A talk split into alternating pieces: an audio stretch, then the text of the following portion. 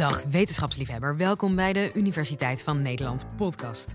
Mijn naam is Sophie Frankmolen en heel gezellig dat je er weer bent. Maar wat zijn de spaarrenteslagen op dit moment? Je geld op de bank zetten is eigenlijk ook niet heel aantrekkelijk. Maar wat doe je er dan mee?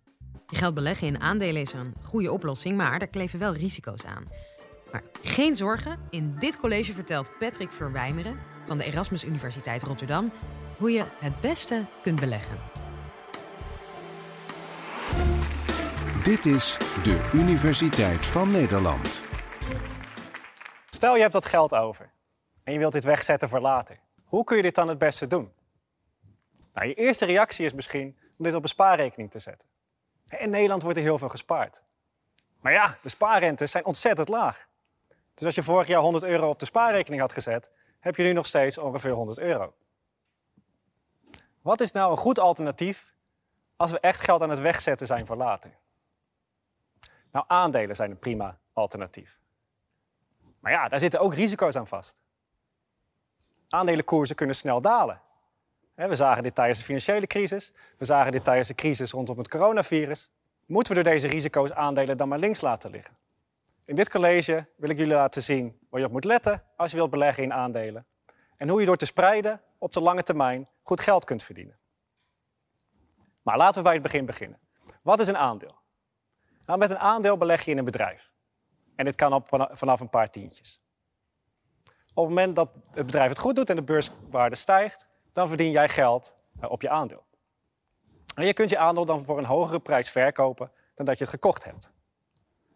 Eh, de winst die gemoeid gaat met deze prijsstijging, dat noemen we rendement. Dus stel je belegt 100 euro in een aandeel en de koers gaat naar 110 euro, heb je 10 euro verdiend, oftewel 10% rendement. Het gemiddelde rendement op aandelen over de afgelopen 100 jaar ligt tussen de 5 en 10% Nou, moeten we hier nou enthousiast van raken, 5 tot 10% Het antwoord is ja. En dat komt omdat je eigenlijk rendement op rendement krijgt. Of rente op rente. Als we het voorbeeld van net gebruiken, 100 euro, 10% rendement, hebben we 110 euro. Als we dan weer 10% krijgen, stijgen we met 11 euro. En gaan we naar 121. Als we daar weer 10% op pakken, stijgen we al met meer dan 12 euro. En zo gaat het steeds harder. Dit is rendement op rendement. En op de lange termijn maakt het heel veel uit. Dus stel, we hadden 100 jaar geleden al euro's. Als je het dan op een spaarrekening had gezet zonder rente, dan heb je nu nog steeds 100 euro. Maar wat als je het in aandelen had belegd? Met een gemiddeld rendement van 8%. 100 jaar geleden met een rendement van 8% is nu meer dan 200.000 euro waard. Moeilijk te geloven. We vergeten even inflatie, maar hadden je voorouders dit maar gedaan? Einstein noemt dit dan ook, het rendement op rendement, het achtste wereldwonder. Of zei hij, rente op rente is de sterkste kracht in het universum. Nou ja, als Einstein het zegt. Dus aandelen doen het gemiddeld genomen goed. Je verdient er op de lange termijn beter mee dan uh, op je spaarrekening. Maar ja, het risico. Prijzen kunnen ook heel hard vallen. Sterker nog, als het bedrijf failliet gaat, uh, gaat de aandeelprijs naar nul. Dus in welk aandeel moeten we nu beleggen? Kan ik je nu vertellen, van dit is een aandeel dat het goed gaat doen. je moet in Heineken gaan zitten, of Unilever, of Shell, of Philips. Nou, dit blijkt heel erg lastig te zijn. En dit komt omdat informatie heel snel in prijzen verwerkt wordt. Een aandeelprijs komt tot stand naar aanleiding van vraag en aanbod. Dus stel, je hebt een iPhone en je bent heel erg blij met die telefoon. Je denkt, dit is een goede telefoon, dus ik ga aandelen Apple kopen. Ja, dat wil niet zeggen dat de beurskoers in de toekomst het goed gaat doen van Apple. En waarom niet? Omdat die verkoopcijfers van die iPhone zijn al lang bekend. Die informatie is al lang in de prijs verwerkt. Professionele beleggers handelen heel snel op al dat soort informatie. Beleggers volgen bijvoorbeeld de bekendmaking van winstcijfers. Of ze kijken naar nieuws over de economie. Ze volgen persberichten.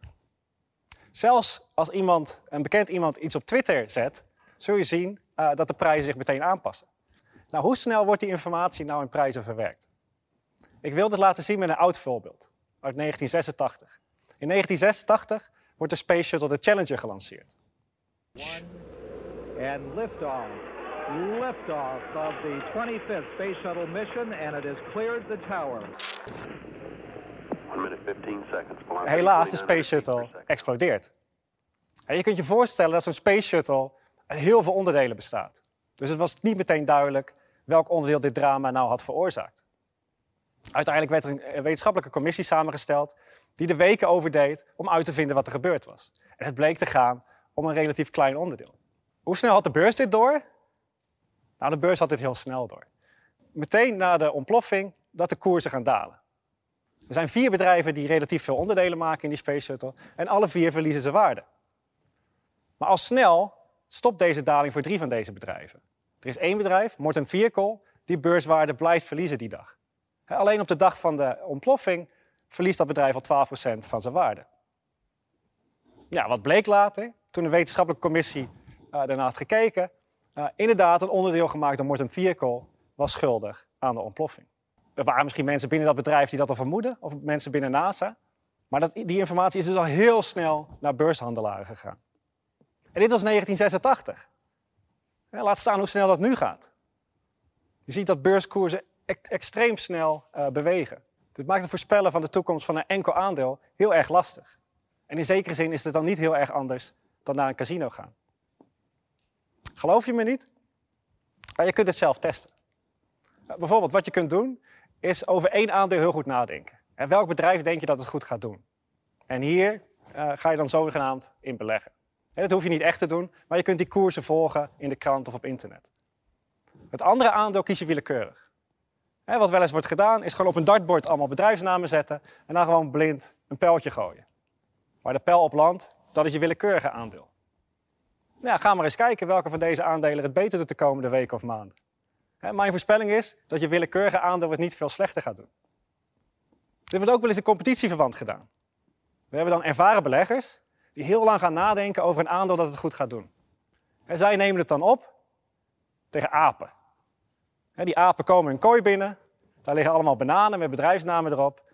Ze kiezen willekeurig een banaan om op te eten en dat is dan hun belegging. Ja, wat blijkt? Heel regelmatig winnen de apen de wedstrijd. Dus het is heel lastig om één bepaald aandeel te kiezen dat het goed gaat doen. Maar wat moeten we dan wel doen? Nou, nu komen we bij een belangrijke les in de beleggingsleer. En dat is dat risico en rendement heel erg met elkaar verbonden zijn. dus geld op een spaarrekening biedt je niet veel rendement. het levert niet veel op.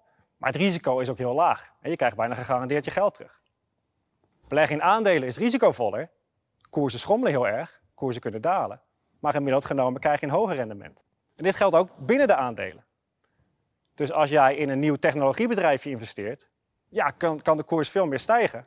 Maar loop je ook veel meer risico dan bijvoorbeeld een belegging in Unilever. Nou, doordat risico zo'n belangrijke rol speelt, kun je niet meteen zeggen dat uh, beleggingen met een hoger verwacht rendement ook noodzakelijkerwijs beter zijn. Het gaat over het risico dat je wilt lopen en mensen houden vaak niet van risico. Je wil eigenlijk een hoog rendement tegen een zo laag mogelijk risico. Nou, hoe moeten we dat nou doen? Laat me dit uitleggen met een heel simpel voorbeeld. We gaan naar een wereld waar er maar twee bedrijven zijn waarin we kunnen investeren. Eén bedrijf maakt uh, zonnebrillen en één bedrijf maakt paraplu's. Op het moment dat we een zonnig jaar hebben, is het goed voor het zonnebrilbedrijf. Dat stijgt dan 10% in waarde. Als het veel regent, uh, verandert de prijs van dit aandeel niet. Het paraplubedrijf andersom. Als het veel regent in een jaar, stijgt dat aandeel 10%. Maar als de zon veel schijnt, verandert dat aandeel niet. En dit is Nederland, dus de kans op een regenachtig jaar is net zo groot als op een zonnig jaar. Ja, stel we hebben 100 euro en we beleggen dit in het zonnebrilbedrijf. Als dan inderdaad de zon veel schijnt, verdienen we 10% of 10 euro. Maar als het veel regent, verdienen we niks. Dus gemiddeld genomen verdienen we 5 euro, 10 of 0. Maar het risico is groot. De kans is groot dat we helemaal niks verdienen.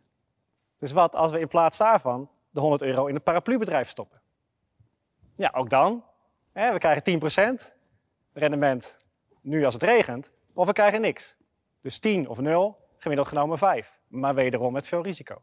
Maar wat we ook kunnen doen, is dat we 50 euro stoppen in het zonnebrilbedrijf en 50 euro in een paraplubedrijf. Als we nu een zonnig jaar hebben, dan verdienen we 5 euro op het zonnebrilbedrijf. 10% van 50 euro. Als we een regenachtig jaar hebben, verdienen we 5 euro op het paraplubedrijf. 10% van de 50 daar. Dus nu ongeacht het weer, we verdienen altijd 5 euro. Maar dit is nu gegarandeerd. We hebben het risico helemaal weggenomen door te spreiden. Spreiden is eigenlijk de kunst van beleggen. Stop niet al je eieren in één mandje, maar in verschillende mandjes. Wat we ook leren uit dit voorbeeld, is dat het goed is om te beleggen in bedrijven die niet op elkaar lijken. dus bijvoorbeeld niet twee bedrijven die in dezelfde industrie zitten. Het beste is misschien om wel twintig verschillende aandelen te kiezen die in verschillende industrieën zitten in verschillende landen. En daardoor verlaag je heel erg uh, het risico. Spreiden is dus echt de kunst van beleggen. Maar hier houdt het niet op. Je kunt het verder trekken dan aandelen. Helemaal als je ook nog investeert in bepaalde dingen die niet sterk samenhangen met aandelen, kun je het risico nog verder verlagen. Denk bijvoorbeeld aan goud of vastgoed, obligaties. Wat ik zelf wel leuk vind, uh, is na te denken over investeringen in schilderijen. Voor 1000 euro kun je op een veiling al best een aardig schilderij kopen. Dus kunst is veel. Het is mooi om naar te kijken, het kan je aan het denken zetten. Maar je kunt het ook zien als een investering. Nou, hoe moeten we de rendementen en risico's nou zien in een schilderij? Het is niet zoals met aandelen dat je altijd maar de prijzen kunt zien van alle schilderijen. Maar je ziet ze wel als schilderijen worden geveld. Is een voorbeeld, schilderij van Gauguin. Het wordt in 1998 geveld voor iets meer dan 1 miljoen euro. In uh, eh, 2007 wordt het wederom geveld, maar nu al voor meer dan 4 miljoen euro. Het dus 3 miljoen euro winst in minder dan 10 jaar. Ja, vergelijk dat eens met die 0,01% op je spaarrekening. Maar ja, goed, dit is maar één specifiek voorbeeld. En niet iedereen heeft een miljoen om te beleggen. Maar we kunnen dit veel breder trekken. We kunnen ook naar goedkopere schilderijen kijken. Nou, hier heb ik zelf onderzoek naar gedaan. Dus ik heb heel veel veilinggegevens. En kijk dan, wat is het gemiddelde rendement op schilderijen? Nou, schilderijen blijken best een goede belegging. Gemiddeld genomen is het rendement per jaar zo'n 6% op een schilderij. Ter illustratie een belegging van 100. Uh, wat gebeurt er mee over de tijd in schilderijen? Nou, die stijgt best aardig. Uiteraard zitten er ook risico's vast aan investeren in schilderijen. En er komen kosten bij, bijvoorbeeld als je wil verzekeren. Maar als investering is het helemaal zo gek nog niet. Nou, wat als we nou al die potentiële beleggingen samengooien? Met al hun verwachte rendementen, met al hun verwachte risico's. En we gooien er één groot rekenmodel op los. Wat is dan de beste combinatie van al de potentiële beleggingen? Nou, de uitkomst van het rekenmodel is dat aandelen heel belangrijk zijn in die optimale combinatie. om hoog rendement met laag risico te bereiken, zijn aandelen belangrijk. Obligaties horen ook in deze optimale combinatie. En als je veel geld hebt, waarschijnlijk ook vastgoed. Misschien zelfs wat goud. Nou, en vooruit. Doe er dan ook maar een schilderij bij. Nou, stel je wilt eh, investeren in aandelen. Hoe kun je dit het beste doen? Je kunt het zelf doen. Je kunt gewoon online gaan en aandelen kopen. Maar je kunt het ook met je bank overleggen. Ga naar je bank toe, zeg dat je gespreid in aandelen wil beleggen. En zij gaan dan samen met jou kijken hoeveel risico je wilt lopen. En op welke termijn je het geld weer nodig denkt te hebben. Een goede tip is dan om te investeren in een index. Zoals een wereldindex of de AX-index. Hierdoor zit je relatief goedkoop, toch goed gespreid. Oké, mocht je nu echt in aandelen willen investeren, laat me hier dan nog een paar dingen benadrukken. zodat je niet boos op mij wordt als de koersen uh, naar beneden gaan. Ten eerste, het is heel belangrijk dat je alleen geld investeert dat je nu niet nodig hebt. geld dat je niet nodig hebt voor je boodschappen. Niet nodig hebt voor investeringen in de toekomst, zoals een nieuwe wasmachine. Het gaat hier echt om het geld dat je overhoudt. Ook belangrijk, het gaat hier echt over de lange termijn. We kunnen de toekomst niet voorspellen. Er kan zo weer een oorlog uitbreken. Er kan zo weer een virus zijn dat een epidemie veroorzaakt en daardoor de economische groei afremt.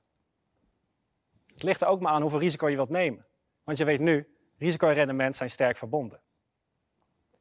Ook belangrijk om te beseffen, resultaten uit het verleden bieden geen garantie voor de toekomst. Maar dit gezegd hebbende, als je goed spreidt en op de lange termijn denkt, dan zijn aandelen een goede investering. Dus, hoe word je rijk van aandelen? Nou ja, op de korte termijn dus eigenlijk niet. Tenzij je heel veel risico wilt lopen. Maar dan is het niet heel anders dan naar het casino gaan. De kunst van beleggen is echt om te spreiden en te gaan voor de lange termijn. En wil je beleggen in aandelen? Beleg dan in verschillende aandelen. En denk ook eens buiten aandelen. Neem bijvoorbeeld ook eens een schilderij mee. Mochten de prijzen dan kaart naar beneden gaan, heb je in ieder geval nog iets moois om aan je muur te hangen. Je luisterde naar Patrick Verwijmering. Ik hoop dat je het een leerzaam college vond. En als dat nou zo was, abonneer je dan op ons kanaal. Vinden we heel leuk. Volgende keer hebben we het over monogamie en over of wij mensen geprogrammeerd zijn om voor altijd bij elkaar te blijven. Tot dan!